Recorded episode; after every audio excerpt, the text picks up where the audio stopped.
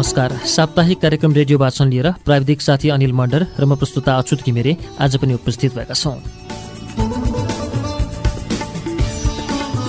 आजको कार्यक्रम रेडियो वाचनमा पनि हामी नारायण वाग्लेको उपन्यास पल्पसा क्याफे नै वाचन गर्नेछौँ। पल्पसा क्याफेको सातौं श्रृङ्खलाको वाचन लिएर आजको कार्यक्रममा उपस्थित भएका छौँ। कान्तिपुर दैनिकका सम्पादक नारायण वाग्लेद्वारा लिखित उपन्यास पल्पसा क्याफेको सातौं श्रृङ्खला रेडियो वाचनमा सुरु गर्नुभन्दा अघि प्रस्तुत गर्दैछौ यो एउटा गीत। माझी बुढाले जल्ता हान्यानी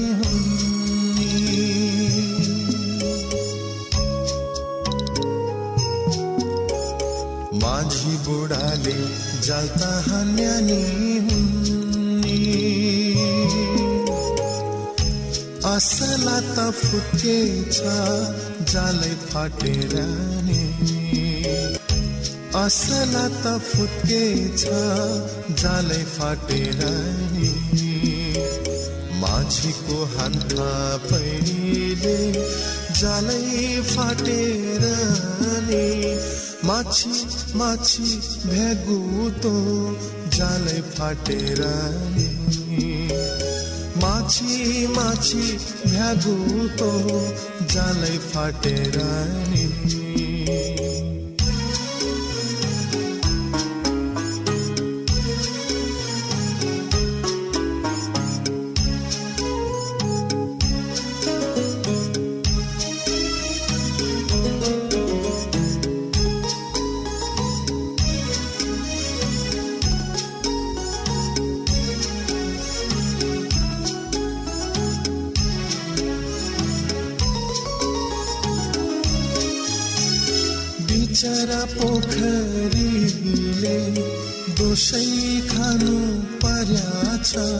बिचरा बचाराले भोकै बस्नु पर्या छ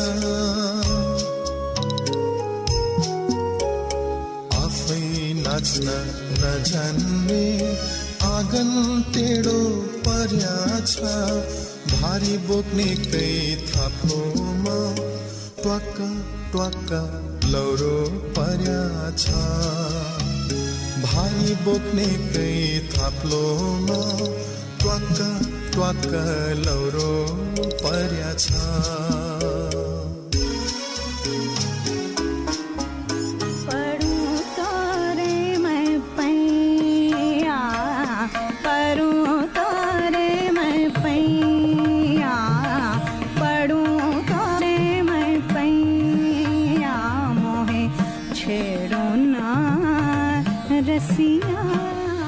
काठमाडौँ फर्केर सबैभन्दा पहिले पल्पसाको घर डोरिए। हजुरआमा अलापिनु भएको होला। उहाँको चित्त फाटेको होला। एउटै प्रिय नातिनी गुमाउनु परेको रन्कोले उहाँ बिहोस हुनुहोला मलाई गाह्रो हुनेछ उहाँको सामु पर्न तर मेरो कर्तव्य हो उहाँलाई मेसो मिलाइकन भन्नुपर्नेछ मैले सम्झाउनु पर्नेछ मैले यस्तै रीति रहेछ भनेर। यो युद्धको ऋतु हो हजुरआमा हामी केवल संयोगले बाँचेका छौँ भन्नुपर्नेछ मैले।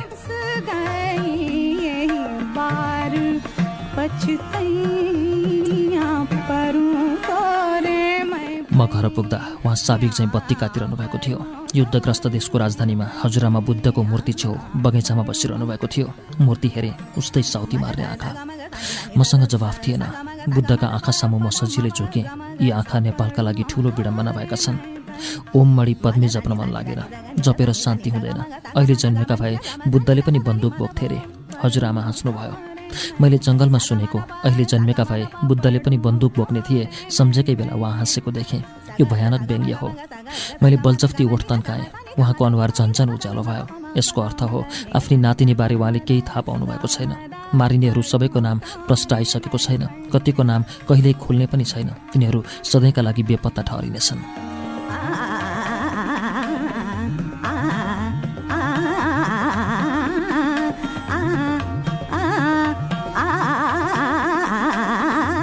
मेरो आँखा रोजिरहेको। उहाँले पावरवाला चस्माबाट देख्न सक्नु भएन। हामी भित्र पस्यौँ। उहाँ के के भन्दै हुनुहुन्थ्यो? मेरो ध्यान भने भित्ताको नयाँ पेन्टिङले खिच्यो। अहो पल्पसाले यस्तो गर्न भइसकेछ उसले मन पराएको त्यही झरी चित्र भित्तामा झुन्डिएको थियो। ग्यालरीबाट फुलनसँग किनेर उसले कहिले ल्याएकी हो? म थप चिसिएँ केही बोल्न सकिनँ। बस न हजुरआमा भन्दै हुनुहुन्थ्यो। किन उभिरहेको? कहाँ हराएका थियौ? म बोल्न सकिनँ। पल्पस्साले तिमीलाई चिठी छोडेर गएकी छ। उहाँले भन्नुभयो क्यामेरा लिएर निस्केकी छे। उसको पनि खबर आएको छैन। भन्दै थिए झट्टै फर्किन्न। कपडा थुप्रै कोचेकी छ। जुत्ता चाहिँ आफ्नो साइजको बलियो पाएन भन्दै थिए। म अझै बोलिनँ तिमीसँग रिसाइरहेकी थिए। तिम्रो चिठीले म दङ्ग परेँ। ऊ भने त्यहीदेखि गम्भीर बने। तिम्रो बारेमा सधैँ सोध्थे। आउनु भएन। फोन पनि गर्नु भएन भनेर। मैले भने मिलेन हेर्नुहोस् न पहाड गएको थिएँ स्थिति कहीँ राम्रो थिएन टेलिफोनका टावर सबै ध्वस्त थिए बम गोलाबारी जता पनि। ज्या तर तिमीले भनेर गएको भए हुन्थ्यो नि उसले चाख मानेको छ तिम्रो बारेमा म फेरि बोलिनँ। तिमीले प्रेम गर्ने केटी ऊ जस्तै छ भनेका होइनौ। के ऊ पल्पछ जस्तै छ? मलाई हेर्न मन छ। बानी बेहोरा पनि उस्तै छ? अचम्म उहाँले फेरि भन्नुभयो। तिमीले मलाई कस्तो राम्रो चिठी लेखेका थियौ म त रोएँ सुनेर ऊ पनि पढ्दा पढ्दै रोएँ मैले दुःख पोखेको थिएँ र मैले प्रश्न गरेँ। दुःख नै हुनुपर्छ र रुन मन छोएपछि मन छुने कुरा थियो र ऊ किन रोइ होली भन्ने मैले बुझेकी छु। तिमीले यो घरलाई कति स्नेह गरेका रहेछौ भने ऊ पढ्दा पढ्दै हिक्क हिक्क गर्न थाली किनभने यो उसैले बनाएको घर हो। पुरानो घर भत्काएर आफैले डिजाइन गरी वरि बनाउन लगाकी।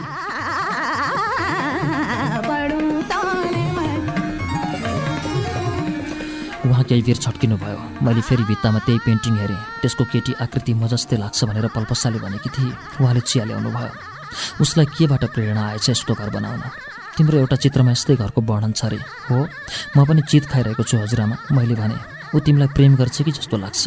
किन त्यस्तो सोच्नु भएको? तिमी ऊ जस्तै केटीलाई प्रेम गर्छौ भन्ने थाहा पाएर हो कि? उहाँले भन्नुभयो यो घरको वर्णन र प्रेमको प्रसङ्ग पढेपछि उसले आँसु चुहाकी थिए। मैले उसलाई दुईपल्ट रोको देखेँ। उहाँले पल्पसाको चिठी दिनुभयो। त्यहाँ टाँगिएको झरी फेरि हेरेँ र रुजेको मन लिएर निस्केँ। त्यो एउटै चित्रले घरलाई नयाँ चरित्र दिएको थियो। चिठी पढ्दै निस्कँदा बुद्ध मूर्तितिर हेर्न सकिनँ। ती आँखाले मलाई सोध्न सक्छन्। ती शान्त आँखाबाट जोगिएर भागेँ। मलाई कष्ट भयो ती आँखालाई व्यवस्था गर्न। यस्तो कष्ट बरु बन्दुकबाट भाग्दा भएन। सक्ने भए अहिले मान्छेहरू यी बुद्धलाई बन्दुक बेरेको व्यक्ति बनाइदिन सक्छन्। कुनै दिन मूर्ति बनाएँ भने मैले पनि त्यही गर्न के बेर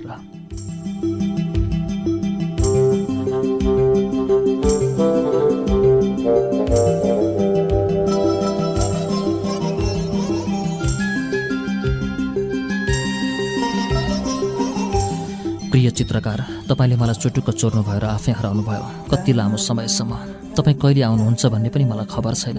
म कति आत्तिएकी छु भने मकै चाहिँ काठमाडौँ हाँडीभित्र भुटभुटिएको भुटभुटे भएँ। तपाईँले मलाई किन यति साह्रो आगो लगाउनु भयो? तपाईँ बिनाको काठमाडौँ एउटा हाँडीभन्दा फरक लागेन मलाई। म त्यसभित्र कोचिएँ र तपाईँ आगो झोसेर भाग्नुभयो म यसरी कति समय पोलिन सक्थेँ? तपाईँ मलाई बुझ्न सक्नुहुन्छ भने ठान्नुहोस्। म आगो झोसिएको हाँडीभित्र चटपटाउने मकैका गेडाभन्दा फरक भएर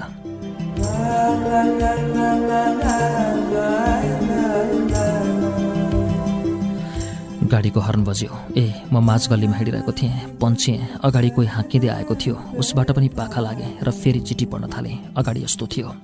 तपाईँले किन त्यसो गर्नुभयो? त्यसो गर्नै थियो भने मलाई किन चोर्नुभयो? किन चिमोट्नुभयो? किन सपना देख्न प्रेरित गर्नुभयो? तपाईँले एउटी बालिकालाई घाममा राख्नुभयो अनि हराउनुभयो। त्यो बिचरी यो बढ्दो तापक्रम कसरी झेलिरहेकी होली भन्ने किन सोच्नु भएन तपाईँ किन अर्काको भावना कदर गर्नुहुन्न? के मलाई दुई शब्द सोधेको भए हुन्थेन? तपाईँ कहाँ किन कहिले कसरी जानुभयो? मलाई किन हत्याउनु भयो? आखिर तपाईँ हुनुहुन्छ नै को जो अर्कालाई थप्पड हानेर हराउँछ? असलमा तपाईँ मेरो त्यही प्रिय चित्रकार हो भन्ने शङ्का लाग्न थालेको छ। मैले एकहोरो प्रेम गरेको पुस्तक तपाईँ आफैले लेखेको हो भन्नेमा मलाई अर्कै विचार हुन थालेको छ।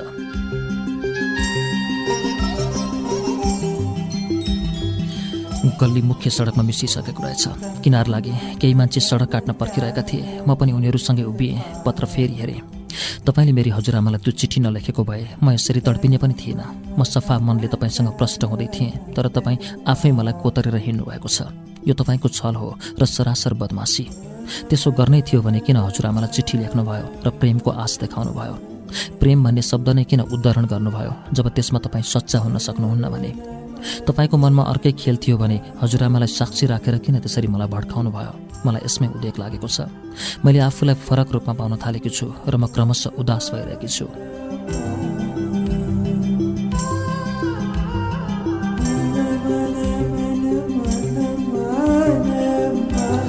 सडक काट्न अरूको पछि लाग्दा फेरि चिठी पट्याएँ। घाम लागेको दिन पनि किन यति चिसो? कि यो घाम होइन? कति ढिलो हिँडेका यी मान्छेहरू? के यिनलाई हिँड्न पनि आउँदैन? नेपाली भइकन पनि छिट्टो पाइला सार्न नसक्ने जैरीहरू यिनका पुर्खा त कतै पहाडतिरबाट झरेका होलान् नि। चिठी फेरि हेरेँ म आकाङ्क्षाहरूले भरिएकी एउटी साधारण केटी हुँ। जीवनमा केही गर्न र केही बन्न चाहन्छु। बस म खाली कागज बनेर उडिरहेकी थिएँ। तपाईँले नै च्याप्प समात्नुभयो र त्यसमा रङ्ग भर्नुभयो तपाईँले रङ्गीन प्वाख टाँसिदिनु भयो। म उड्न लागेँ। खासमा म पो तपाईँसँग डराइरहेकी थिएँ। त्यो पुस्तकको लेखक तपाईँ आफै एउटा पाठकलाई बिथोल्न आउनुभयो। यति राम्रा चित्र बनाउनु भयो म त्यसैबाट उडिरहेकी थिएँ। मैले आफूलाई त्यसैको प्रेरणाले उडाउन लागेकी थिएँ तर तपाईँ आफै मेरा अघिल्तिर प्रकट हुनुभयो र मलाई साक्षात् नै उडाउन थाल्नुभयो। नदी किनारको पात उडाउन हुरी आए चाहिँ तपाईँ आउनुभयो र म उडेर पारी पुगेँ। पातको नियति भोग्नु पर्यो मैले। त्यसैले म आफू जमिनमा अडिन तपाईँबाट भाग्न खोज्दै थिएँ। तपाईँबाट टाढा उभिन ताकि म पातबाट एउटा बिरुवाको स्वरूप लिन सकौँ। म तपाईँसँग छुट्टिएकै थिएँ तर तपाईँ मलाई मेरो काठमाडौँ मुकाममै धावा बोल्न आउनुभयो र फेरि मलाई उडाउन थाल्नुभयो। मैले तपाईँसँग मेरी हजुरआमालाई निकट देख्नु पर्यो। उहाँलाई पनि तपाईँले सान्त्वना दिनुभयो। उहाँको निम्तो लिएर म तपाईँ सामु पुगेँ र मलाई एउटा प्रेमीले चाहिँ व्यवहार गर्नुभयो। के तपाईँले कहिल्यै सोच्नुभयो मैले तपाईँप्रति कस्तो भावना राखेकी छु?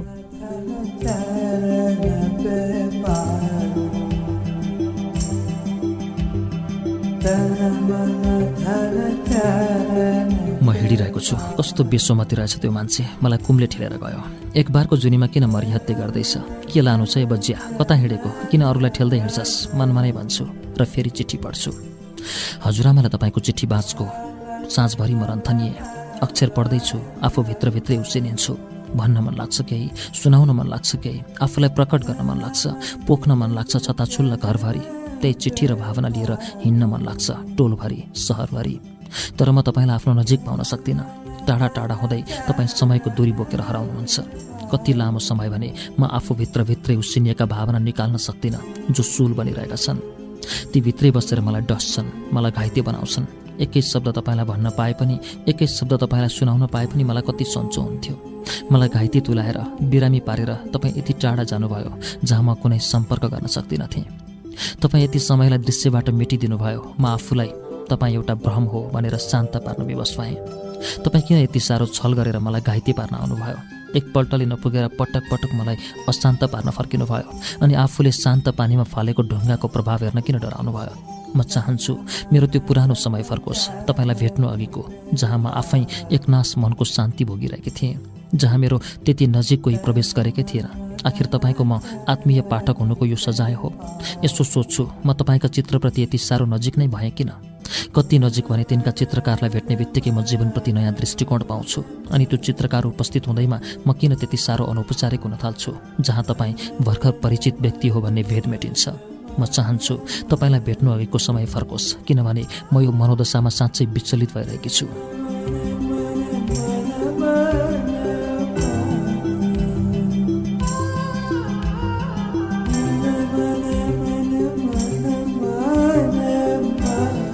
कति तनाव रहित थिएँ। एउटा सफा कागज थिएँ। मसीको दाग लाग्नु अघिको कागज थिएँ म जहाँ आफूले चाहे अनुसारको चित्र बनाउन सक्थेँ। तर तपाईँ यसरी आउनुभयो मलाई होस भएन। बेहोसीमै म पोतिएँ लतपतिएँ। अब त्यो सफा कागज रहेन। मेरो बिहान कसैले चोरिसकेको छ र ऊ भागेको छ। मसँग बिहान रहित दिनहरू मात्र छन्। मैले कहिल्यै अमेरिकामा आफूलाई ती तड पाउनु परेन। म दुई तिन प्रेमबाट असफल भएकी केटी हुँ। तिनमा प्रेमभन्दा भोग बढी थियो। तिनमा स्नेहभन्दा बासना बढी थियो। मलाई कुनै पछुतो छैन। ती भोगाई हुन् जसको सम्झना मात्र छ। त्यस्तो सम्झना भावनामा लुकेको हुँदैन। कहिलेकाहीँ विगत फर्किँदा सम्झिए हुने स्तरका सम्बन्ध मात्र थिए ती। नेपाल फर्केर म धन्य थिएँ र ममा आत्मबल पनि उत्तिकै थियो। मलाई अवरोध दिन तपाईँ पैदा हुनुभयो।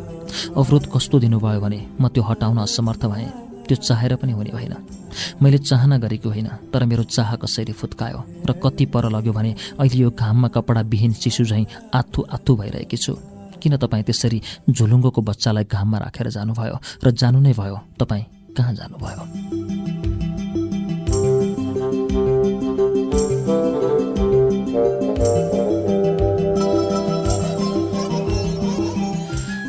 चित्रकार हुनुहुन्छ। तपाईँको म एउटै पाठक वा दर्शक होइन। तपाईँका अनगिन्ती दर्शक पाठक छन्। प्रिय धेरै होलान्। अहिले म ठान्छु। तपाईँ त्यो हुनुहुन्न जुन मैले सोचेकी थिएँ। तपाईँ धेरैका प्रिय हुनुहुन्छ र तपाईँका प्रिय पनि धेरै। तपाईँ मभन्दा धेरै फरक हुनुहुन्छ र टाढा पनि। म तपाईँ कहाँ पुग्न सक्दिनँ? म तपाईँसम्म पुग्न सक्दिनँ भने एक्लै पाकेर गलेर म त सड्न मात्र सक्छु र म सड्न चाहन्न तपाईँकै प्रेरणा हो। म फुल्न चाहन्छु। म अब आफ्नो काम सुरु गर्न चाहन्छु।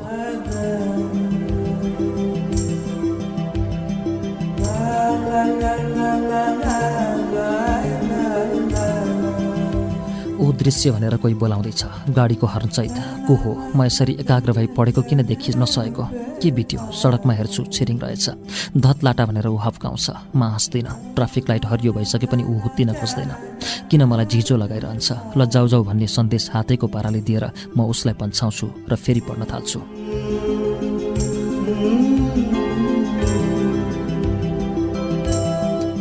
तपाईँ जसरी मबाट टाढिनुभयो म पनि त्यसरी नै तपाईँबाट भाग्न चाहन्छु। टाढा पुगेर मात्र आफूलाई शान्त पार्न सक्नेछु। शान्त ठाउँमा जान चाहन्छु जहाँ तपाईँको छलबाट म मुक्त हुनेछु।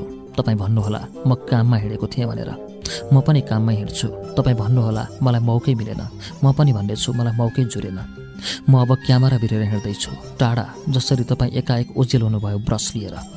म तपाईँका आँखाको परिवेशभन्दा बाहिर निस्कन चाहन्छु। मेरो काममा तपाईँले दिएको चोट बिर्साउने मलम हुनेछ यो। र तपाईँलाई थाहा छ म निराश केटी होइन। यो पनि तपाईँलाई थाहा होस् म बदलाको भावनाले डोरिएकी छैन। तपाईँले बिर्सिएकी पाठक।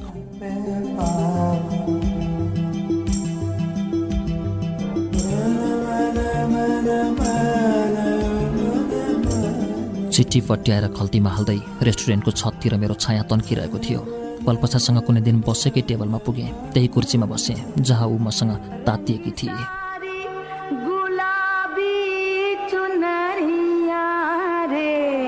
रङ्गी म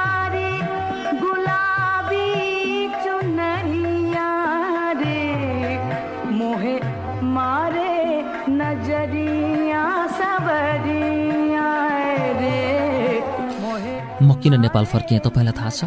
उसले सोधेकी थिए। किन? मैले स्पाइडरम्यान र ह्यारी पोटर मन पराउने पश्चिमेली समाजको नयाँ चरित्र विश्लेषण गरिएको लामो लेख पढ्दा पढ्दै रोकेँ। ह्यारी पोटरले पूर्वेली समाजलाई पनि उत्तिकै आक्रमण गरेको छ। एउटी बच्चेकी एक्लै अभिभावक किताब लेखेर संसारकै धनी लेखक बन्नु उल्का हो। यो साठी भाषामा उल्था भइसकेको छ भने दुई सय देशमा छापिसकेको छ। कम्तीमा यसले टेलिभिजन कम्प्युटर र भिडियो गेमको दबदबाबीच बालबालिकालाई किताब पढ्ने लत लगाइदिएको छ भन्ने लेखको सारा हुँदै थियो। उसले रोकी मलाई बुबा मुवाको एटिच्युड ठिक लागेन। उसले भने पत्रिका पन्छाएर उसलाई हेरेँ। ऊ मेरो आँखामा सिधा प्रवेश गरिरहेकी थिए। मेरो ध्यान आकर्षण गर्ने उसको नियत नभए पनि त्यसरी एक्कासी त्यस्तो प्रसङ्ग निकाल्ने थिएन। ऊ आफूलाई बुझाउन खोजिरहेकी थिए। म पनि उसलाई गलत बुझ्न सक्थेँ। भिन्न सांस्कृतिक र भौगोलिक हुर्काइका कारण म उसलाई पर्याप्त नबुझिरहेको हुन सक्थेँ। ऊ मलाई किन राम्ररी सम्झाउन चाहन्थे भन्ने मैले ख्याल गरिरहेको थिइनँ। प्रेम गर्नु छ भन्ने समझदारी पहिलो शर्त हो भन्ने उसको सन्देश थियो सायद।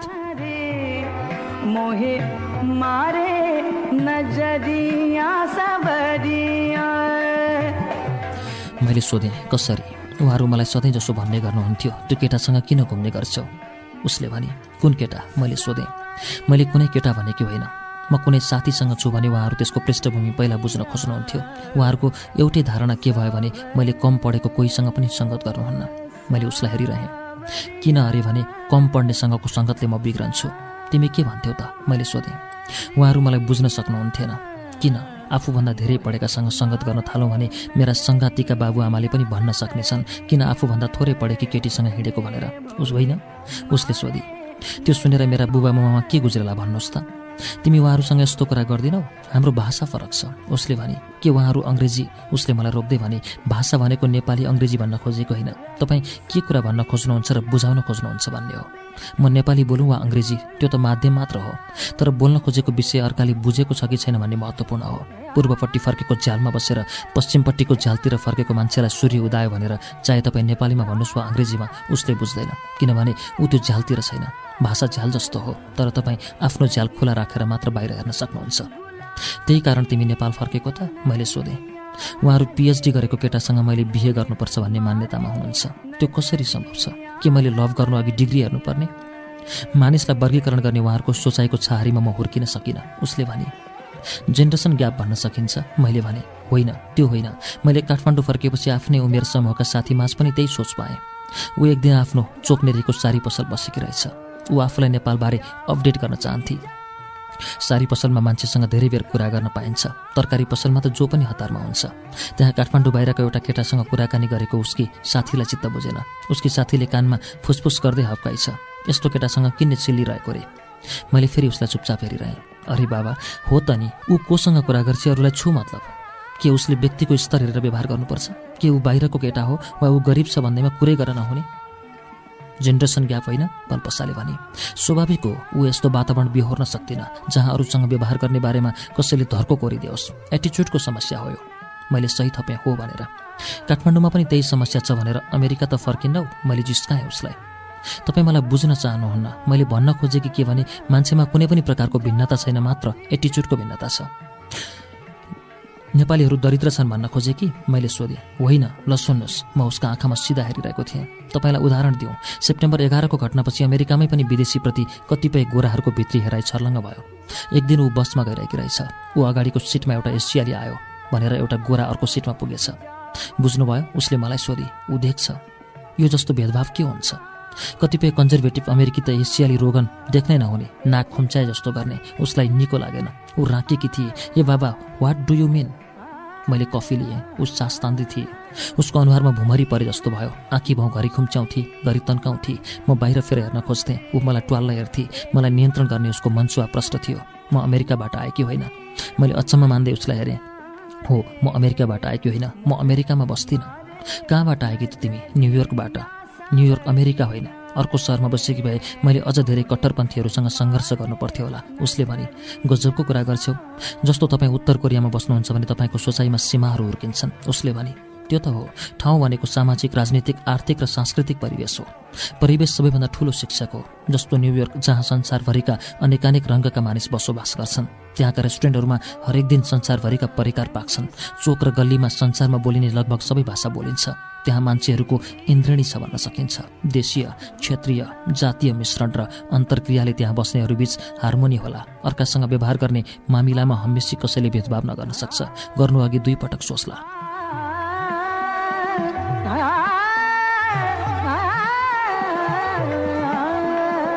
मैले सोधेँ तिमी के ठान्छौ? जस्तो म नेपालमै बस्छु यहीँ काम गर्छु यहीँ रमाएको रहेको छु। के मेरो सोचाइमा तिमीसँग व्यवहार गर्ने मामिलामा सीमितताहरू छन्? मान्छेहरू मलाई बुझ्दैनन् उसले भने ठाउँहरूप्रति तिम्रो पूर्वाग्रह रहेछ। मैले भने मेरो भगाइ हो। ऊ भन्छे यो पनि एटिच्युडको समस्या हो। म भन्छु होइन सभ्यताले मानिसलाई फरक पार्छ भन्न खोजेकी हुँ। तिम्रो बुवा पनि त न्युयोर्कमै बस्नुहुन्छ नि। मैले भने तपाईँलाई प्रश्न गरौँ उहाँ न्युयोर्कमै बस्नुहुन्छ तर भौतिक रूपमा मात्रै। मानसिक रूपमा उहाँ पुरानो समय र ठाउँमा हुनुहुन्छ। न्युयोर्क बस्ने सबै सभ्य भन्न खोजेको होइन मैले। मेरो तर्क के हो भने ठाउँले सभ्यताको परिचय दिन्छ तर तपाईँ काठमाडौँ बसेर न्युयोर्क बस्नेभन्दा सभ्य पनि भन्न सक्नुहुन्छ। अर्थात् म त्यति सभ्य बन्न सकेको छैन मैले जिस्काएँ। म दोष लगाउन्न तर तपाईँमा पनि मैले समस्या देखेँ। के केही साधारण समस्या छन् तपाईँमा जोसँग पनि हुनसक्छ। जस्तो तपाईँ पनि मलाई सरल ढङ्गले हेरिरहनु भएको छ। मेरा दृष्टिकोणहरू तपाईँ वास्ता गर्न चाहनुहुन्न भन्ने मलाई लाग्छ। कसरी? तपाईँले कहिले यहाँका विषयहरूबारे मसँग गम्भीर छलफल गर्न चाहेको मैले भेटिनँ उसले भने म सजिलै पट्टिएँ भन्ने तपाईँलाई लागेको होला। म तपाईँकी प्रशंसक हुँ तपाईँका पेन्टिङको तपाईँले आफ्नो जीवनमा मेरो भूमिका खोज्नुभएको आभास मैले पाएकी छैन। शारीरिक र व्यवहारिक बाहेक पनि धेरै पक्ष हुन्छन् भन्ने तपाईँलाई लागे जस्तो छैन। त्यसैले म यस्तो सोच्न बाध्य छु। मेरो कम बोल्ने बानीले होला मैले भने होइन अरूको उपेक्षा गर्ने स्वभाव हो। जहिले पनि मलाई भेट्दा तपाईँ मेरो लुगाको प्रशंसा गर्नुहुन्छ। आजै पनि गर्नुभयो होइन? तपाईँ के ठान्नुहुन्छ भने केटीहरू आफ्नो ड्रेस मन पराइदिएको सुन्न चाहन्छन्। चित्रकार भएकाले मेरो पहिलो ध्यान रङ्ग र पृष्ठभूमिमा जान्छ मैले भने त्यो होइन म कसरी खुसी हुन्छु भने तपाईँको सोचाइमा अभिमानी पुरुषत्वको गन्ध आउँछ। तपाईँले मलाई चिन्नै खोज्नु भएको छैन। म कसरी तिमीलाई विश्वास दिलाउँ? म भन्दै थिएँ ऊ उठेर हिँडेँ ऊ हिँडेको बाटो हेरिरहेँ ऊ फर्किन। मेरो टेबल अगाडि कुर्चीमा आज ऊ छैन। मैले विश्वास दिलाउन नसकी ऊ उठेर हिँडेँ कि अब कहिल्यै फर्कने छैन।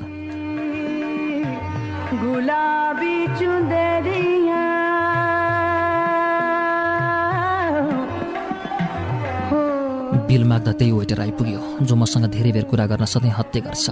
हरेक भेटमा नयाँ विषयको जिज्ञासा राख्छ। लम्किँदै आयो। ऊ हाँसेको देखेर आज म बढी रिसाउन सक्छु। दाई तपाईँ धार्मिक हो होइन? किन दाई? मैले पैसा तिरेर उठ्दै भने धर्मले अर्को जुनी सपार्ने वचन दिन्छ। यो जन्ममा सङ्घर्ष गर्न सिकाउँदैन। बुझिँदै के बुझ्यौ? फटाफट हिँड्दै थिएँ पछाडि फर्केर सोधेँ तपाईँको कुरा? तिमी मलाई बुझ्न सक्दैनौ? बुझिसकेँ उसले भन्यो। मैले बुझेँ भन्ने मान्छेले कहिल्यै बुझ्न सक्दैन। मैले भर्याङ झर्दै भने किन दाई? ऊ मलाई पछ्याइरहेको रहेछ। बुझिसकेपछि बुझ्न के बाँकी रह्यो त? मैले भने मैले तपाईँको कुरा बुझिसकेँ। उसले भन्यो त्यसो भए तिमी बुद्ध भयो। आँखा चिम्म गरेर बसिराख। उसको हाँसो तल भर्याङ फेदसम्म आइपुगेको थियो। म गल्लीतिर छर्केँ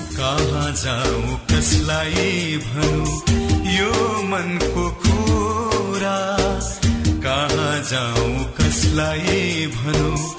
यो मनको कुरा। कसले बुझिदिन्छ होला? मेरो मनको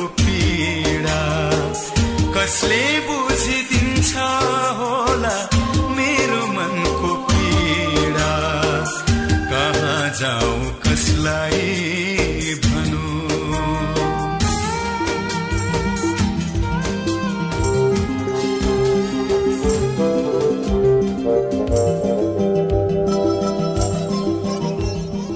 ग्यालरी तल फुल पसल खोलिसकेछ।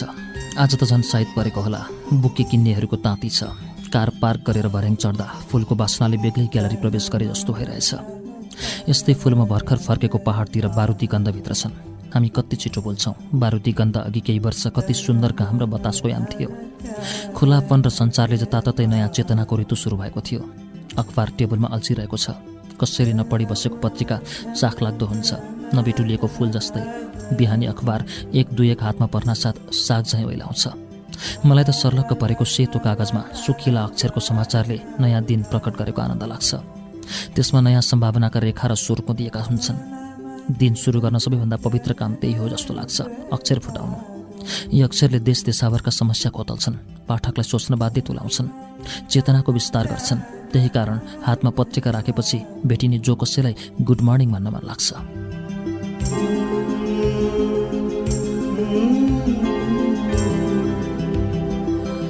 प्रधानमन्त्री हतियार खरिद गर्न बेल्जियम पुगेको पुरानो पत्रिका टेबलमा किन अल्झिरहेको हो? तलको पसलले भने कताबाट हो बिहानभरि फुल ल्याउँदै गरेको म झ्यालबाट देख्छु। प्रधानमन्त्री फर्केपछि फुलमा पनि बन्दुकको गन्ध पोतियो। बम पड्केको सुनेर सडक पेटीमा मान्छेहरू दौडिरहेका छन्। बिहान पनि हाम्रो टोलतिर एउटा पड्केको थियो। ग्यालरीभन्दा दुई तलामाथि छत उक्लिन्छु। पश्चिमपट्टि टाढा आकाशसम्म चुलिएको एउटा थुम्कामाथि नयाँ आकार देख्छु। त्यो अस्पष्ट खाकाले क्रमशः सुन्दर रूप प्रकाशित गर्न थाल्छ। त्यो गुम्बा रहेछ। कुनै दिन म गुम्बा पस्न सक्छु भनेकी थिएँ पल्पसाले आँखा केही बेर हटाउन सक्दिनँ। क्रमशः गुम्बाको खाका अस्पष्ट हुँदै जान्छ। धमिलिएका आँखा सामु झरी परेको देख्छु। फुलको आँखामा फुलै संसार।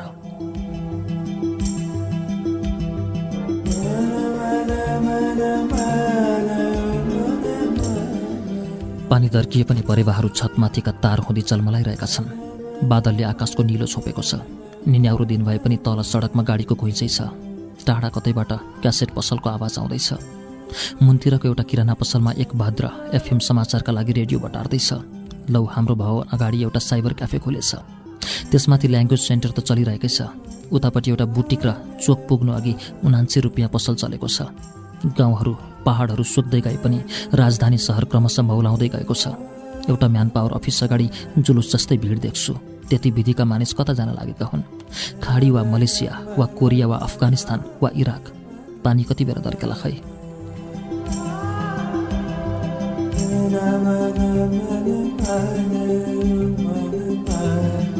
फुलनले चिठी छाडेकी रहेछ। दाई तपाईँको ताल देखेर म छक्क छु। फर्किएपछि मलाई खबर गर्नुहोला। एक्लै ग्यालेरी खोल्न मन लागेन। तपाईँ बेखबर हराएकाले म यहाँ रत्तिन सकिनँ। मलाई नियास्रो लाग्दै गएको छ। यसबीच मैले एउटा पेन्टिङ बेचेँ झरी पल्पसा दिदीले हत्या गर्नुभयो पैसा पनि बढिदिनु भयो मलाई टिप्स भनेर पनि दिनुभयो उहाँ धेरै दिनसम्म ग्यालरी आउनुभयो पेन्टिङ हेरेर कहिल्यै थाक्नु भएन जहिले पनि दाई आउनुभयो भनेर टेलिफोन गर्नुहुन्थ्यो आउनुभएको छैन भन्दा पनि आफै ग्यालरी आइपुग्नुहुन्थ्यो र दिनभरि बस्नुहुन्थ्यो। हामी तपाईँका बारेमा गफ गर्थ्यौँ उहाँले मेरा बारेमा पनि सबै सोध्नुभयो मैले भने दृश्यदायी नभएको भए म गाउँमै बाख्रा चराइरहेकी हुन्थेँ। तपाईँलाई यसरी ध्यान दिने मैले कोही भेटेकी थिइनँ। पल्पसा दिदी धेरै राम्री हुनुहुन्छ र तपाईँलाई माया पनि गर्नुहुन्छ। नरिसाउनु होला दाई म तपाईँकी बहिनी पनि हुँ। त्यही भएर यति भन्ने हक मलाई छ। त्यो दिदीसँग तपाईँको जोडी मिल्छ। उहाँ आफ्ना बारेमा बताउनुहुन्न। खालि तपाईँका बारेमा बोल्न खोज्नुहुन्छ। जान्न पनि खोज्नुहुन्छ। म तपाईँको भलो चिताउँछु। तपाईँको आफन्ती कोही छैन। तपाईँ एक्लै हुनुहुन्छ। बरु मै तपाईँको नजिक छु। तपाईँ यस्तै एक्लाङ्गे भएकाले यसरी हराउने गर्नुभएको छ। तपाईँ अब व्यवहारिक हुनुपर्छ दाई। मैले अहिलेसम्म तपाईँसँग केही मागेकी छैन। अनुमति दिनुहुन्छ भने म यही माग्छु। पल्पसा दिदीसँग विवाह गर्नुहोस्। तपाईँ अन्तर्मुखी मान्छे। भन्न सक्नुहुन्न भने म आफै प्रस्ताव गरिदिनेछु। तपाईँले नाइ भन्नुभयो भने म सहने छैन। ग्यालरी छोडेर गइदिन्छु। गाउँ नै फर्किदिन्छु। तपाईँ मलाई फकाउन आउनुपर्नेछ। अनि म त्यही भन्नेछु। जबसम्म तपाईँ पल्पसा दिदीलाई विवाह गर्नुहुन्न तबसम्म म फर्किन्न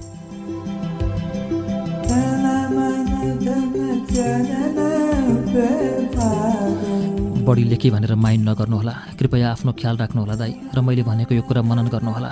तपाईँको उही सेक्रेटरी भनेर उसले टुङ्ग्याएकी थिए। कहाँ के गर्दै होली? कतै गाउँ त फर्किन। ग्यालरीमा बसेर चम्मु भइसकेकी थिए। देशी विदेशी पाहुनासँग व्यवहार गर्न उसलाई रमाइलो लाग्न थालेको थियो।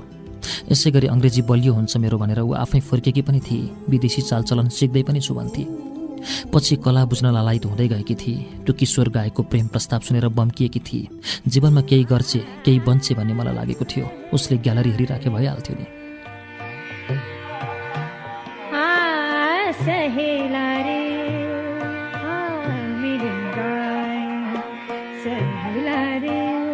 फोन गरे। छात्रावासमा उसकी साथीले सोधी कहाँ हराउनु भएको थियो तपाईँ? फुलन त गए लौजा म चिसो भएँ। कहाँ? गाउँ मैले सोधेँ। होइन क्याम्पस गएँ। बल्ल हलुको भयो। यदै गायक किशोर हुर्रिँदै आइपुग्यो।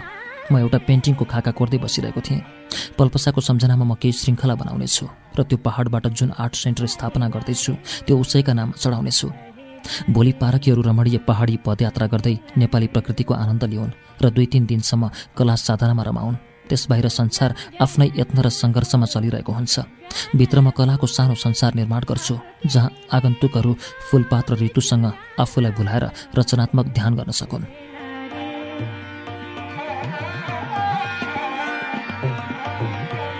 त्यसपछि एउटा पेन्टिङ गर्नेछु।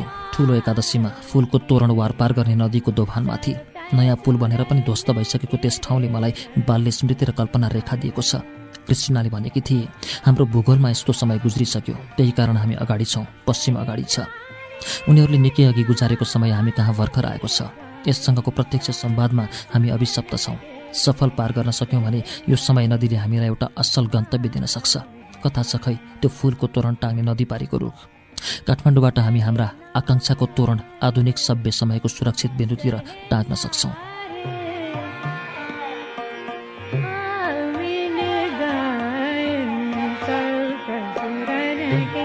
यतै किशोरको दोस्रो आवाजले म झस्केँ। आरामी सोफामा म घना सोचमग्न रहेछु। धेरै पछि आउनुभयो उसले भन्यो के छ तिम्रो हालखबर मैले सोधेँ। अमेरिकन एम्बेसीमा कसैलाई चिन्नु भएको छ? भिसा लिन। दिँदैनन् र पत्याउँदैनन्। किन? म फर्किन्छु भन्ने विश्वास नमान्न सक्छन्। किशोरले भन्यो भन न त। फर्किन्छु भनेर। माने पो किन नमान्ने? नमाने के गर्ने? नजाने। हात तरिदाई मेरा साथीहरू सबै गइसके ऊ गर्जियो। त्यसो भए तिमीलाई मात्र किन रोक्ला नि त? मैले भने। रोकिहालेँ भने भिसा सेक्सनमा कति केस छ? कसैलाई जान दिने कसैलाई नदिने गरेको। श्रीमान श्रीमती छन् भने पनि एकजनालाई दिएर अर्कालाई रोकेको मैले भेटेको छु। कतिजना रुँदै फर्केका छन्। सबैभन्दा सजिलो के हुन्छ भने तिमी हाँस्दै हाँस्दै जवाफ देऊ र भन मलाई अमेरिका बस्नु छैन। नेपाल नै मनपर्छ। यही अमेरिका जस्तो लाग्छ। म यहीँ काम गर्न फर्किनुपर्छ भन। त्यही भन्या त हो नि पहिला। उसले भन्यो। रिजेक्ट गरिदियो। युरोपियन भिसा रिजेक्ट भयो। उनीहरूले के भने भन्दा तिम्रो देशमा यस्तो विधि समस्या छ कसरी फर्काउला र? धेरै नेपालीले उता पुगेर पोलिटिकल आइसाइलम मागेका छन्। उसले भन्यो उसलाई केही गरी पन्छाइ छाडे। कसरी जिम्मा लिने त्यस्तो कुरा? अर्को एल्बम निकाल्दैनौ? मैले सोधेँ। प्र्याक्टिस गर्दैछु। फर्स्ट एल्बमका दुईवटा सङ हिट भए। थाहा छ दाई मलाई स्टेज पर्फर्मेन्सको निम्ता पनि आइसक्यो। तिनवटा गरिसकेँ। एफएमहरूमा इन्टरभ्यू त कति कति?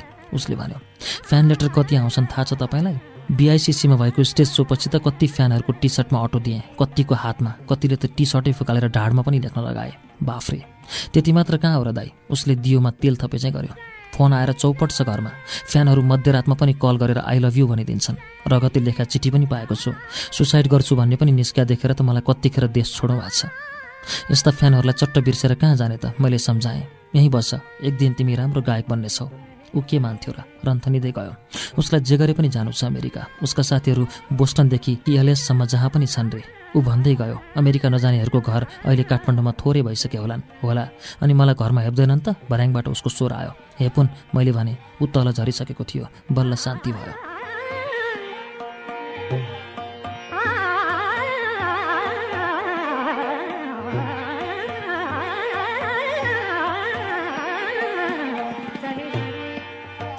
जालबाट हेरेँ। म्यान पावर अफिसतिर त निरीहरूको हुल उस्तै थियो। तल निस्को भने कोही न कोही जागिरका लागि भन्छन् गर्नेसँग जम्का भेट भइहाल्छ। अघि भर्खर पनि एउटा युवक भेटियो त्यसै गरी फारम भरेको छु दाइ विदेश जान। खेत बेचेर आएँ उसले भनेको थियो। अर्को युवक केही बेरमा भेटिएको थियो जो जहाँ भए पनि काममा झुन्डाइदिनु पऱ्यो भन्न थाल्यो। के गर्छौ? भन्दा उसले कति सजिलोसँग मेरो टुप्पी रिगायो। तपाईँ भन्नुहोस् न दाई म ढोकामै उभिन पनि तयार छु।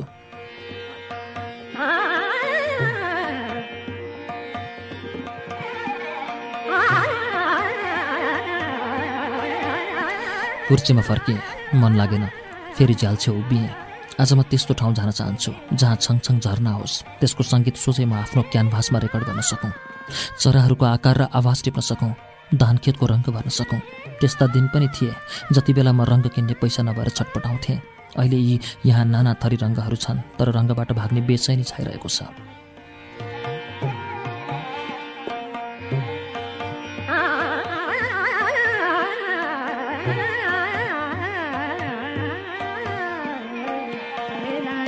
कम्प्युटर खोलेपछि भने मेरो सातो गयो। इमेल ठेगाना क्र्यास हुने गरी चिठी आएका रहेछन्। ओहो त्यो डस केटीका कति चिठी? के भएछ त्यसलाई? सबैभन्दा पछिल्लो चिठी लौ हिजोकै रहेछ। चेतावनी सहित लेखेकी रहेछ। तिमी जवाफ दिनौ भने यो मेरो अन्तिम इमेल हुनेछ। हो पनि दर्जनौँ इमेलको रेस्पोन्स नपाएपछि ऊ बिचारीले गरोस् के? सबै क्लिक गर्दै गएँ। सिलसिलाबद्ध पत्रहरूमा उसले मेरो काम र नेपालको स्थितिप्रति खुबै चासो दिएकी रहेछ। लो बधाई छ। ऊ त यहाँ रिपोर्टिङ गर्न आउँदै रहेछ। उसले सुरुतिरको इमेलमा लेखेकी रहेछ नेपाल मेरो पहिलो अन्तर्राष्ट्रिय असाइनमेन्ट हो वार रिपोर्टिङको एमोरी के गर्छौ यहाँको वार कभरेज म तुरन्त जवाफ दाखिल गर्छु। वेलकम छ नेपालमा तिमीलाई। ए मेरो कलाकी प्रशंसक दूरदेशकी पत्रकार।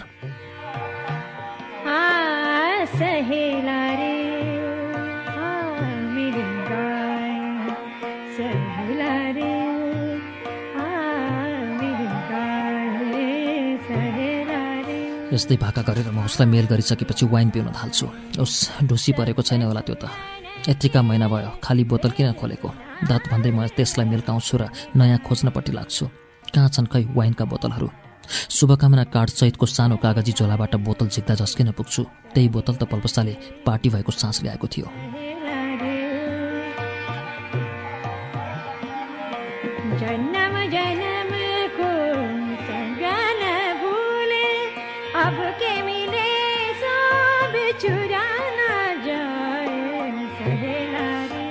खोल्न सक्दिनँ। वाइन ओपनर पर सार्छु। केही बेर तिल मिलाउँछु र झ्याल बाहिर सडक हेर्छु। त्यो डस्केटी त हस्याङ फस्याङ यतै पो आउँदैछ। ए नेपाल आइपुगिसकेकी रहेछ। कहिले होला ऊ छुट्याएर यता हानियो कि? कति दिन भयो? अन्तिम चान्समा ग्यालेरी हेर्न आएकी हो?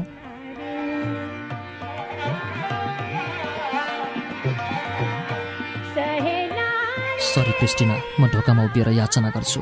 ऊ त्यसरी नै मेरो छातीमा मुक्का हान्छे जसरी पल्पसाले पुरानो गोवाको चर्च अगाडि मलाई हानेकी थिए। पछाडि भिरेको झोला टेबलमा राखी र ग्यालरीका भित्ता हेर्न थाली। छक्क परिहोली उसले जे भनेकी थिए मैले भित्तालाई त्यही गरेको थिएँ। कतिपल्ट मैले इमेल गरेँ कतिपल्ट मैले फोन गरेर कतिपल्ट म यहाँ ढोका खुलेको छ कि भनेर हेर्न आएको थिएँ थाहा छ? म अनुमान गर्न सक्छु मैले भने। सक्दैनौ तिमी ऊ थर्काउँछे र भित्तातिरै आँखा टाँस्छे कलाकारहरू यस्तै हुन्छन् भन्ने मलाई थाहा छ तर यो हदसम्मको सनक मैले युरोपमा भेटिनँ उसले भने। कस्तो सनक? पहिला पहिला दङ्ग परेर इमेल गर्ने पछि त्यत्रो विधि सोधखोजको टेरपुच्छर नलगाउने उसले भने। तिमीलाई थाहा छैन म कहाँ थिएँ र के गर्दै थिएँ। म भोलि फर्काउँदैछु उसले भने। मैले नपत्याएको हाउभाउमा टार्न खोजेँ। ऊ किन मान्थे? भित्ताबाट आँखा मतिर सारेर भनिहाली। यो चित्रकार महोदय मैले भनेको सुनेको हो। काठमाडौँमा यो मेरो आखिरी दिन हो। के भयो त? मैले भने। मैले के भने? मैले के भने भने म भोलि आफ्नो देश फर्किँदैछु ऊ जङ्गी। मैले रोकेर तिमीलाई त्यस्तो भावना पर्यो कि? भनेर। कहीँ नपारोस् उसले भनी। ऊ भित्तातिरै टोलाइ यसो पछि हट्ने अनि त्यही चित्र दोहोऱ्याइ तेह्राइ हेर्ने गर्न थाली। यस्ता दर्शक बिरलै पाइन्छन्। म उसलाई केले स्वागत गरौँ? तत्काल गायब भएर दुई मिनटमै त्यहाँ उपस्थित भएँ।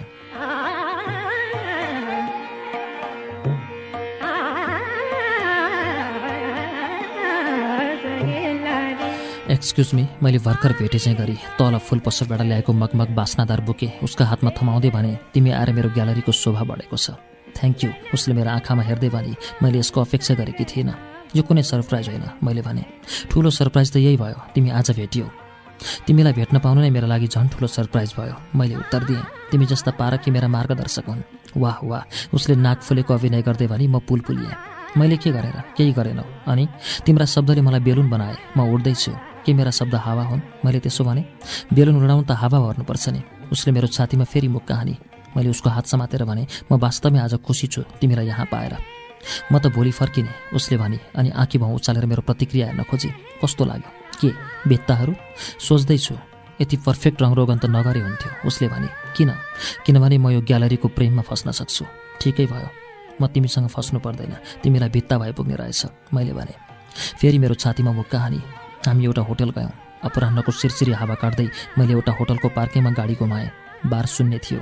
उसले पियानोतिर आँखा लगाई जहाँ एक विदेशी वृद्ध औँला चलाइँदै थिए।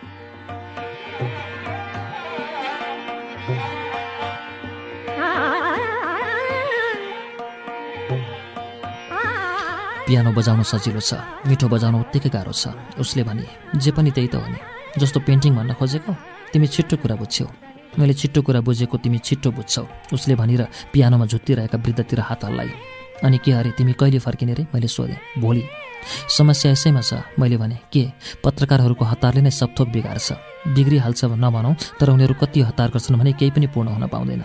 मैले भने मतलब किन तिमीलाई देश फर्किने हातुरी पत्रकारहरूले हतार नगरे घटनाहरू यति तीव्र हुन्थेनन्। मैले आफ्नो एसाइनमेन्ट सकेँ। उसले उत्तर दिए कस्तो एसाइनमेन्ट हो त्यो? अब जब यहाँ एकपछि अर्को घटना हुँदैछ परिस्थिति झन्झन जटिल भइरहेको छ तिमी कसरी मेरो एसाइनमेन्ट सकियो भन्दै भाग्न सक्छौ? सक्छु हेर न। उसले भने प्यारासुट जर्नलिस्ट त्यसै भनिएको होइन। अब तत्काल लेख्ने स्टोरी छैन। म दिन्छु नि त। के? मैले बिहोरेको घटना। मैले भनेर वाइन सुनुत्त पारेँ। मैले भोगेको घटना। सायद तिम्रो लागि गतिलो स्टोरी बन्न सक्छ। उट्वाल्न परे। म आन्दोलनकारीको लगभग अपहरमा परि पहाड फर्केँ। आफ्नै जन्मगाउँ र थात थोलोमा नयाँ परिवेश देखेँ। त्यसपछिका घटना अहिले सम्झिँदा आङसेरिङ्ग हुन्छ। मैले आफ्नो साथी गुमाएर आफ्नै प्रेमिका पनि त्यसपछि भने म बहकिँदै गएँ। के त्यसरी बढी पिउनुहुन्थ्यो? पल्पसाका बारेमा सुनाउन खोज्दै थिएँ। ऊ मलाई थुम्थुमाउन थाले। हो म निकै बहकिँदैछु। हजुरआमासँगको पछिल्लो भेट सम्झाउँदा ऊ पनि भिमल हुन पुगे। पियानोको आवाज बढ्दै गएको थियो। अग्लो मैनबत्ती हाम्रो टेबलमा बल्यो। मेरो दशा चाल पाएपछि उसले सान्त्वनाका शब्दहरू प्रयोग गर्न थाले। म घर फर्किने हतारमा उसलाई के भने सम्झिन सक्दिनँ। भोलिपल्ट बिहान हेर्दा मेरो कमिजको खल्तीमा उसले राखिदिएको गुलाबको एउटा फुल थियो।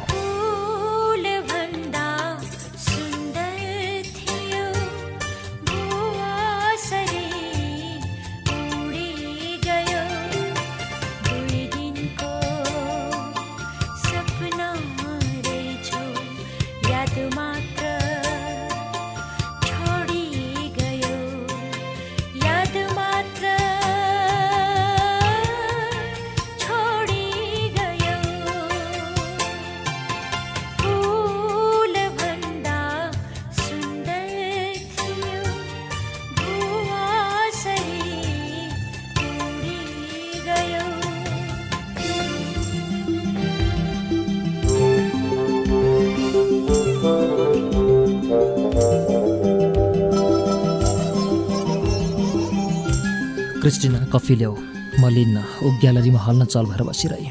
तिमी खुरुक उता बस उता रिसेप्सनतिर। तिम्रो यो पेन्टिङ नसकेसम्म म जान्न उसले डिबी कसी। म पल्पसा सिरिज गर्दैछु। यो छैठौँ क्यानभास हो जसमा मलाई धेरै कुलदिली र तपेडी भइरहेको छ। म रङ्ग मिलाउन सकिरहेको छैन। अघि तानेको रेखालाई उचित छाया दिन सकिरहेको छैन। पल्पसाको आकृतिमा एक सरो आशाको रेखा कुँदेको छु र त्यसलाई अबिरको रङ्ग दिन खोज्छु तर रगत लिपि जस्तो भइरहेछ। अबिर र रगतको भेद छुट्याउन सकिरहेको छैन। जो क्यानभासले मसँग बढी नै माग गरेको छ मलाई झिँचो लागिरहेछ। क्रिस्टिना र मैले रचना गरिरहेको समयको म समय र परिवेश मुक्त भएर यसमा घोत्लिन चाहन्छु ऊ मान्दिनँ।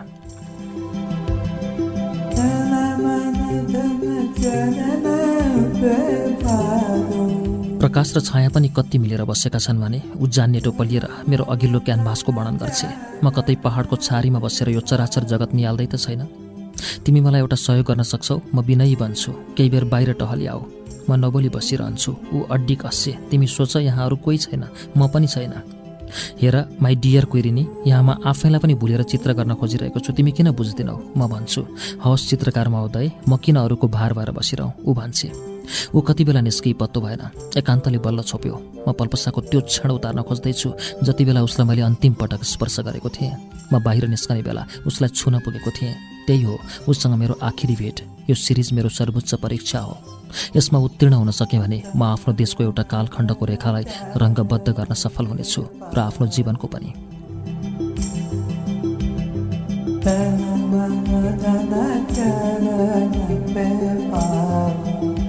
क्रिस्टिनाले अघिल्लो दिन सोधेकी थिए रङ्गको भाषा सर्वव्यापी हुन्छ तर तिमी नेपाली पनि प्रकट गरिरहेका छौ कसरी?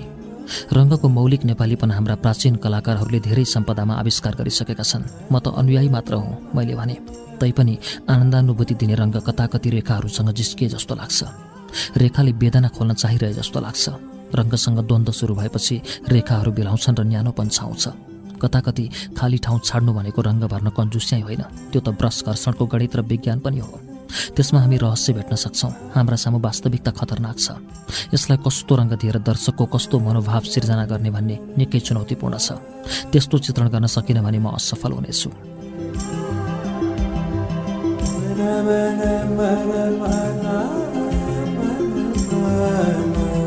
कलाकारले आफ्नो मान्यता प्रकट गर्न एउटा शैली विकास गर्छ। त्यो मान्यता आफैमा एउटा मन्तव्य पनि हो। समकालीन नेपालबारे म आफ्नो दृष्टिकोण दिन चाहिरहेको छु पछाडिपट्टिको चित्र मार्फत जसमा निश्चित राजनीतिक धारणा छ। क्रिस्टिना बुझ्छे ऊ त्यसैबारे धेरै प्रश्न गर्न खोज्छे। मैले लामो यात्रा गरेँ र यी केही चित्रहरू मेरो त्यही भ्रमणका छवि हुन्। तिनमा मेरो विशेष आग्रह झल्किन सक्छ। माफी चाहन्छु म तटस्थ हुन सकिरहेको छैन। समयको भाषा निर्मम छ र म त्यस सामु पराजित हुन पनि सक्छु। म एक्लै यो ग्यालरीलाई एउटा मञ्च बनाएर स्थापनाहरू विरुद्ध लडिरहेको देखिन सक्छु। यी चित्रमा त्यस्तो खाले ऊर्जा छ एउटा शक्ति छ। म कतै कतै घटना सामु निरीह बनेको छु किनभने म रङ्ग मार्फत हतियारको प्रतिकार गर्न खोजिरहेको छु। रङ्गको पारदर्शिता सजिलो र महत्त्वपूर्ण हतियार हो। यो मेरो मनोदशा सार्वजनिक गर्ने सबैभन्दा सरल माध्यम पनि हो। हिंसा झट्ट सुन्दा चित्रका लागि निकै आक्रामक विषयवस्तु हो तर निर्भीकता चित्रकारको अर्को अपरिहार्य गुण पनि हो।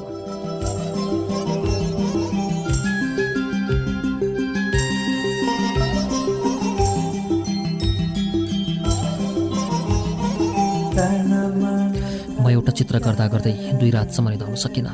कारण त्यो एउटी बालिकाको विषय थियो जसमा उसकी मितिनी भर्खर बमले उछिटिएर टुक्राहरूमा अनुवाद भएकी थिए। बालिका र उसकी मितिनी यी दुई अत्यन्त कोमल सम्बन्धका पात्र हुन्। तिनको समय र निर्दोषता न्यानो रङ माग गर्छन्। तर तिनीहरू बिचको अविश्वसनीय घटना म कठोर रेखाकृति र रङ्ग मार्फत गर्न बाध्य थिएँ। एक ठाउँ मैले आफ्नै आँसु पनि त्यसमा टाँसेको छु। भले त्यसले कुनै अर्थ दिँदैन। त्यसको अस्तित्व नै विलय भइसकेको हुन्छ। पानीको थोपा बन्नु अघि आँसुले एक निमेष मात्र आफ्नो औचित्य देखाउन सक्छ। तैपनि चित्रकारले त्यसलाई आफ्नो भावनाको साक्षीका रूपमा पोतेकै बिग्रन्छ। अनुभवसँग लतपतिएका आँसु मेरा प्रेरणा हुन्।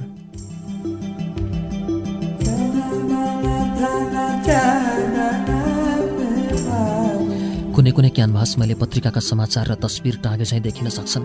त्यसमा पनि एक खाली निर्जन दूरी छ। त्यसलाई मैले यसरी हेरेको छु। घटना र समाचार र चित्र अर्थात् घटना र समाचार बिचको दूरी समाचार र चित्र बिचको दूरी। यद्यपि अहिले घटना र समाचार बिचको दूरी प्रविधि र व्यावसायिकताका हिसाबले न्यून हुँदै गएको छ। समाचार र चित्रबीचको दूरी भने उत्तिकै मर्यादित र स्तरीय हुनुपर्छ भन्ने सोचाइका कलाधर्मीहरू मलाई असल लाग्छन्। तिनीहरू चित्रकार र फोटोग्राफर बीच चरित्र र भाषागत मौलिक भिन्नता छ भन्ने चरितार्थ गर्न खोज्छन्।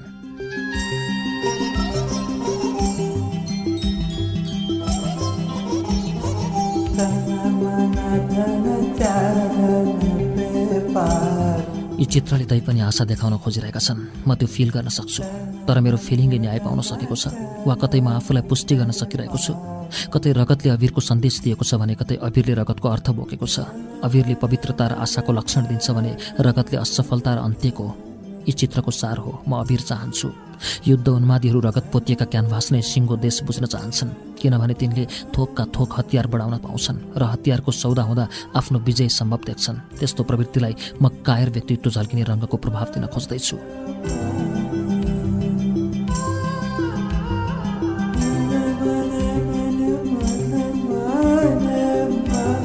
क्रिस्टिनाले भनेकी थिए मलाई के कारण पनि बढी मन पर्यो भने यी निर्दोष अनुहारहरू साहसी देखिएका छन्। त्यही कारण तिनीहरू बलिदानी भएका छन्। मैले भने हो कायरहरू आफू भने कसरी जिउन चाहन्छन् भन्ने वर्णन मैले गर्न खोजेको छु। साहसी र कायर परिभाषित गर्नु राजनीतिक आलोचना हो। जुन तिमी गर्दैछौ र मलाई लाग्छ आफू कुन पक्षमा छौ भन्ने प्रश्न गर्नु तिम्रो साहस हो। विशेष गरी अहिलेको अवस्थामा। उसले भनेकी थिए किनभने मैले लिएको पक्ष दुवै थरी युद्ध उन्मादीहरू विरुद्ध सङ्घर्ष हो र यो तेस्रो पक्ष हो। यो पक्ष दुवै थरीका आँखामा पर्न सक्छ किनभने ती दुवै थरी यो पक्षलाई आफ्नो हतियार विरुद्ध उभिएको पाउँछन्। म यी चित्र मार्फत जुन धावा बोल्दैछु त्यसका लागि मेरा रङ्गहरूले पक्षमा मत दिइरहेका छन् र म बलवान भएको छु तर के म यसरी सुरक्षित हुन सक्छु? एक्सक्युज मी उफ क्रिस्टिना मोरी फेरि टुप्लुक्क आइपुगे। मैले उसलाई वास्ता नगरी ब्रस चलाइरहेँ। पल्पसाले निधारमा बिन्दी लगाएकी थिए तर बिन्दी अलि लाम्चो देखिएको छ। रेखा लामो भयो भने रङ्गले पुर्न सकिन्छ तर रङ्ग पोद्दा पोद्दै क्यानभासै गरुङ्गो हुने भइसक्यो। मलाई थाहा छ तिमी सुने नसुने चाहिँ गर्दैछौ। म अब जान्छु। मैले रोकेको छैन। तिमी मलाई त्यो पेन्टिङ दिने कि नदिने? उसले सोधे कुन? फेरि बुझ पचाउँदैछौ मलाई थाहा छैन तिमीलाई कुन पेन्टिङ लग्नु परेको हो? ऊ उसले औँला तन्काई मैले हेरिनँ।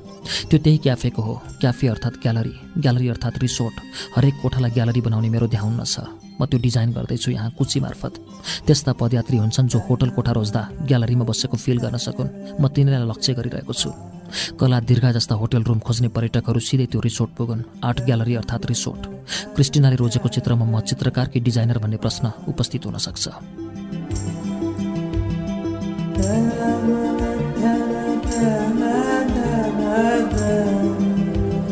कला कोठाहरू बनाउँदैछु दुई थरी। स्टुडियो रुम एक थरी र ग्यालरी स्विट्स अर्का थरी।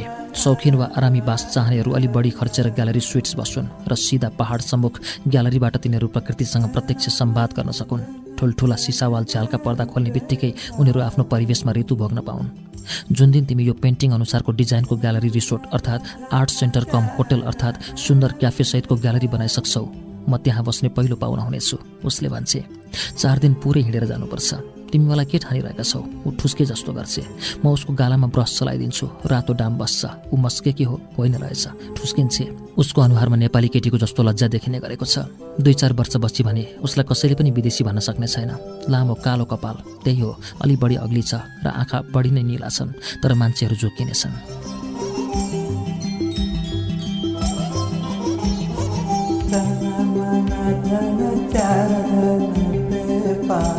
कोठा राम्रो हुनलाई खाली ठाउँ चाहिन्छ। भित्तामा चित्र चाहिन्छ। त्यस रिसोर्टका रुमहरू म त्यस्तै निर्माण गर्न चाहन्छु। सेता भित्ता घामका किरण जस्तै। स्थानीय फुलको बास्ना र बतास सोझै प्रवेश गर्ने झ्याल। यो पेन्टिङ मेरा आँखासम्म रचना भएको हो। यो त्यस्तो पहिलो चित्र हो। त्यसकारण म यो नलिई जाँदै जान्न ऊ फेरि जिद्दी गर्छे।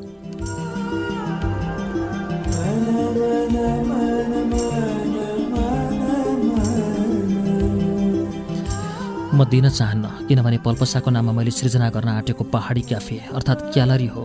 यो जुन मेरो भविष्य हो यो कति प्रिय छ म उसलाई सम्झाउन सक्दिनँ। उसलाई बुझाउन मलाई धेरै सकस पर्नेछ। रातो इँटाको चोकभित्रको ग्यालरीमा बसेर मैले स्लेट ढुङ्गामा कमेरो लिपिएको त्यस्तो ग्यालरी चित्र सिर्जना गरेको छु जसलाई म पल्पसाको नाउँ कुद्ने स्मारक बनाउन सक्नेछु। यो बिक्री गर्न सकिने चित्र होइन। लो एकपटक म डिस्टर्ब गरौँ है उसले भने मैले अझै वास्ता गरिनँ। मोबाइल फोन निकालेर उसले मेरो फोटो खिची। रातो बत्ती बले जस्तो वा अनुहारमा टर्च लाइट बाले जस्तो भयो। फोन गरेको भान पारी फोटो खिच्ने यस कायदाले पनि मलाई हैरान गरेको छ। कतिपय आगन्तुकहरू फोटो खिच्ने अनुमति पाइन्न भन्ठानेर फोन गरे जस्तो गरी फोटो उतार्छन् यो ग्यालरीमा। के यो फोटो स्टुडियो हो र?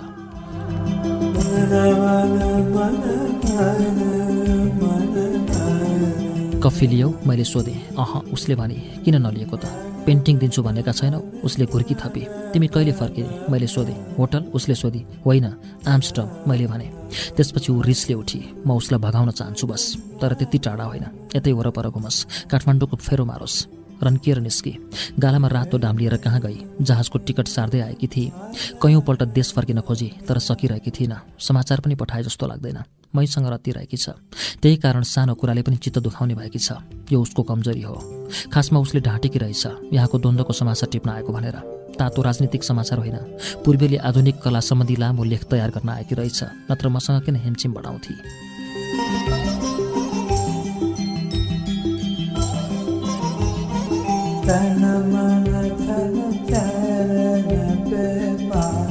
पल्पसा सिरिज सकेपछि म पूर्णतः तनावमुक्त हुनेछु। बल्ल उसलाई चोखो दृष्टिले हेर्न सक्नेछु। म पहाडबाट फर्केदेखि चित्र नगरी बसेको कुनै दिन छैन। क्षणहरू चित्रमय भएका छन्। नपोतेको क्षण मानसपटलमा रेखा नाचिरहेको हुन्छ। कहिलेकाहीँ रङ्गसँग खेल्दा खेल्दै रेखाले मस्तिष्क हुँडलिरहेको हुन्छ। चित्र बिना म आफू बाँचेको महसुस गर्न सक्दिनँ। आफू बाँचेको बोध गर्न पनि म चित्र गरिरहेको छु। चित्र र मलाई यति नजिक पल्पसाले पुर्याएकी छ। उसले मलाई यति साह्रो तनावमा पारेकी छ। अब त अफेस्तो हुन थालिसकेको छु। तनाव मेरो श्वास बनेको छ भने चित्र त्यसको प्रश्वास। मेरी मेरी हुन थालिसके पनि म रातको हतारमा हुँदिनँ। जीवनका विडम्बनाहरू स्वाभाविक लाग्न थालेका छन्। हामी दैनिक यति धेरै विषयसँग घनिष्ठ हुन्छौँ जसलाई बुझ्ने सामर्थ्य र चाख हुँदैन।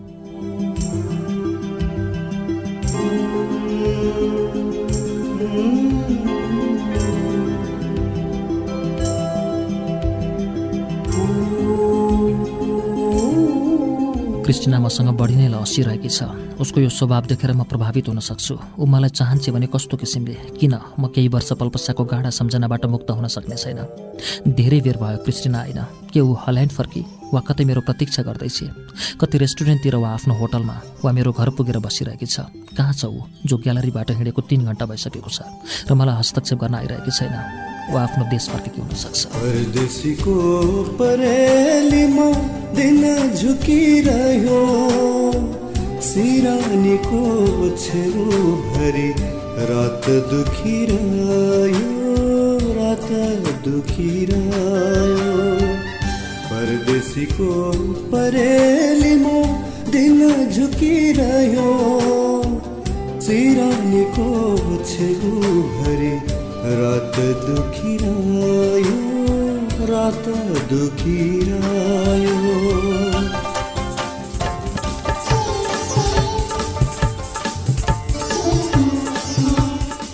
नारायण वाग्लेद्वारा लिखित पल्पसा क्याफे हामी तपाईँलाई विगत केही श्रृङ्खला यता कार्यक्रम रेडियो वाचनमा सुनाउँदै आएका छौँ। आजको कार्यक्रममा पनि पल्पसा क्याफेमा सातौँ श्रृङ्खला हामीले तपाईँलाई वाचन गरेर सुनायौँ। पल्पसा क्याफेभित्रका केही कुराहरू वाचन गर्दाखेरि कतिपय कुराहरूमा कतिपय कमजोरीहरू छन् होला त्यसलाई औँलाइदिनुहुनेछ भन्ने हामीले आशा लिएका छौँ। आजका दिनमा पनि पल्पसाले दृश्यलाई लेखेको पत्रमा वाचन गर्दै जाने क्रममा बिचबिचका घटनाहरू वर्णन गर्ने क्रममा कतै आवाजहरूमा पृथकता नआएको भए हामी क्षमा याचना गर्दछौँ। कृपया यो वाचन तपाईँलाई कस्तो लागिरहेको छ हामीलाई प्रतिक्रिया दिनुहोला। हाम्रो कार्यक्रमको पत्राचार ठेगाना कार्यक्रम रेडियो वाचन पोस्ट बक्स नम्बर आठ नौ सात चार सिपिसी चौरानब्बे काठमाडौँ नेपाल। इमेल ठेगाना जिएचआइएमआइआरई एसिएचवायुटी Ghimire Achyut at Gmail dot com